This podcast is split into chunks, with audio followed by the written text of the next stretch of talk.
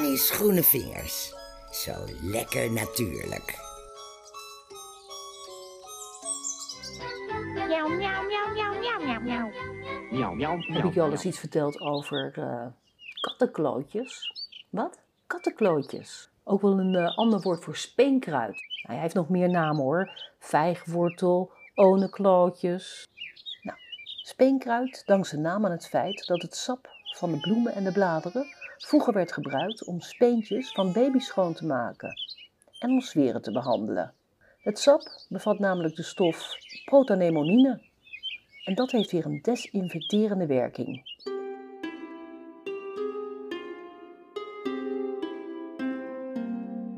Ik ben altijd dol op mythes en legendes over planten. Nou, ik ben er een paar tegengekomen. De legende van de speenkruidvee. In Engeland geloofde men vroeger dat de speenkruidvee in het voorjaar uit haar winterslaap ontwaakte en de planten tot leven bracht met haar toverstaf.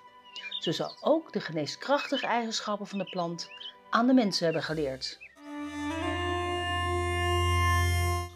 En dan is er nog de mythe van de zonnegod. In de oudheid werd speenkruid geassocieerd met de zonnegod Apollo. Men geloofde dat de plant ontstond uit zijn tranen toen hij zijn vriend Hyacinthus zag sterven. Speenkruid zou daarom symbool staan voor vernieuwing en wedergeboorte.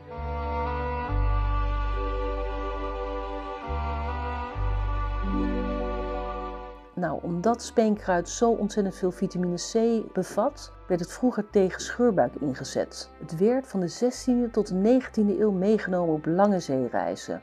Want er was altijd tekort aan verse groenten en fruit. En dus vitamine C.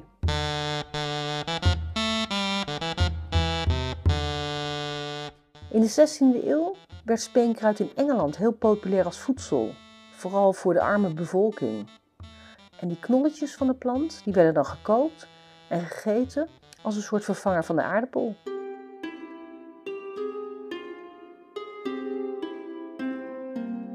Dan is er nog het verhaal van de stekende speenkruidwortel.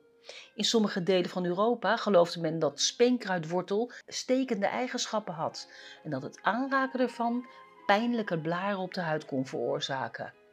Dat leidde weer tot het idee dat speenkruid een krachtige bescherming bood tegen heksen en boze geesten. Ik heb het al eerder gehad over heksen. Dat waren gewoon wijze vrouwen. Dus daar hoef je niet bang voor te zijn. Speenkruidbladeren kunnen ook gegeten worden als groente. Ze hebben een licht zure, waterachtige smaak, maar je moet wel oppassen bij het eten van deze plant. Omdat ze lid is van de ranonkelfamilie en die ranonkeltjes die bevatten altijd delen die giftig kunnen zijn. Als je het bereidt, dan moet je de bladeren en de stengels goed wassen en koken om de schadelijke stoffen te neutraliseren.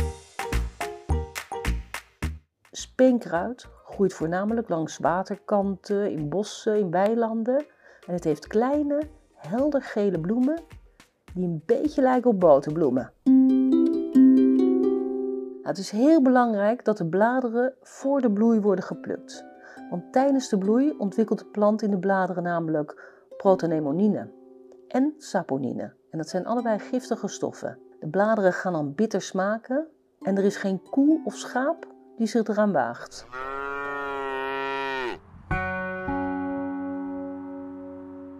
Als je nou de oudere bladeren droogt, dan ontstaat er een giftige stof. En daar werd vroeger poeder van gemaakt, in de Europese Alpen. En met het vergif werden pijlen ingesmeerd. Tuin wordt speenkruid vaak als bodembedekker gebruikt, omdat het heel snel groeit en zich gemakkelijk verspreidt. Maar de plant is ook berucht om zijn woekerende eigenschappen. En hij kan zomaar planten overwoekeren als hij niet goed in toom gehouden wordt. Oh ja, ik kwam een gedicht tegen over speenkruid. Goudgeel tapijt op natte grond. Speenkruid bloeit in de vroege lente rond. Kleine knollen met glanzend blad. Ze overleven zelfs in de koude stad. Een symbool van hoop, van wedergeboorte. Speenkruid kleurt de wereld mooier dan ooit tevoren. Nou, dit gedichtje is van Anne Merks. Tot in de speenkruidtijd.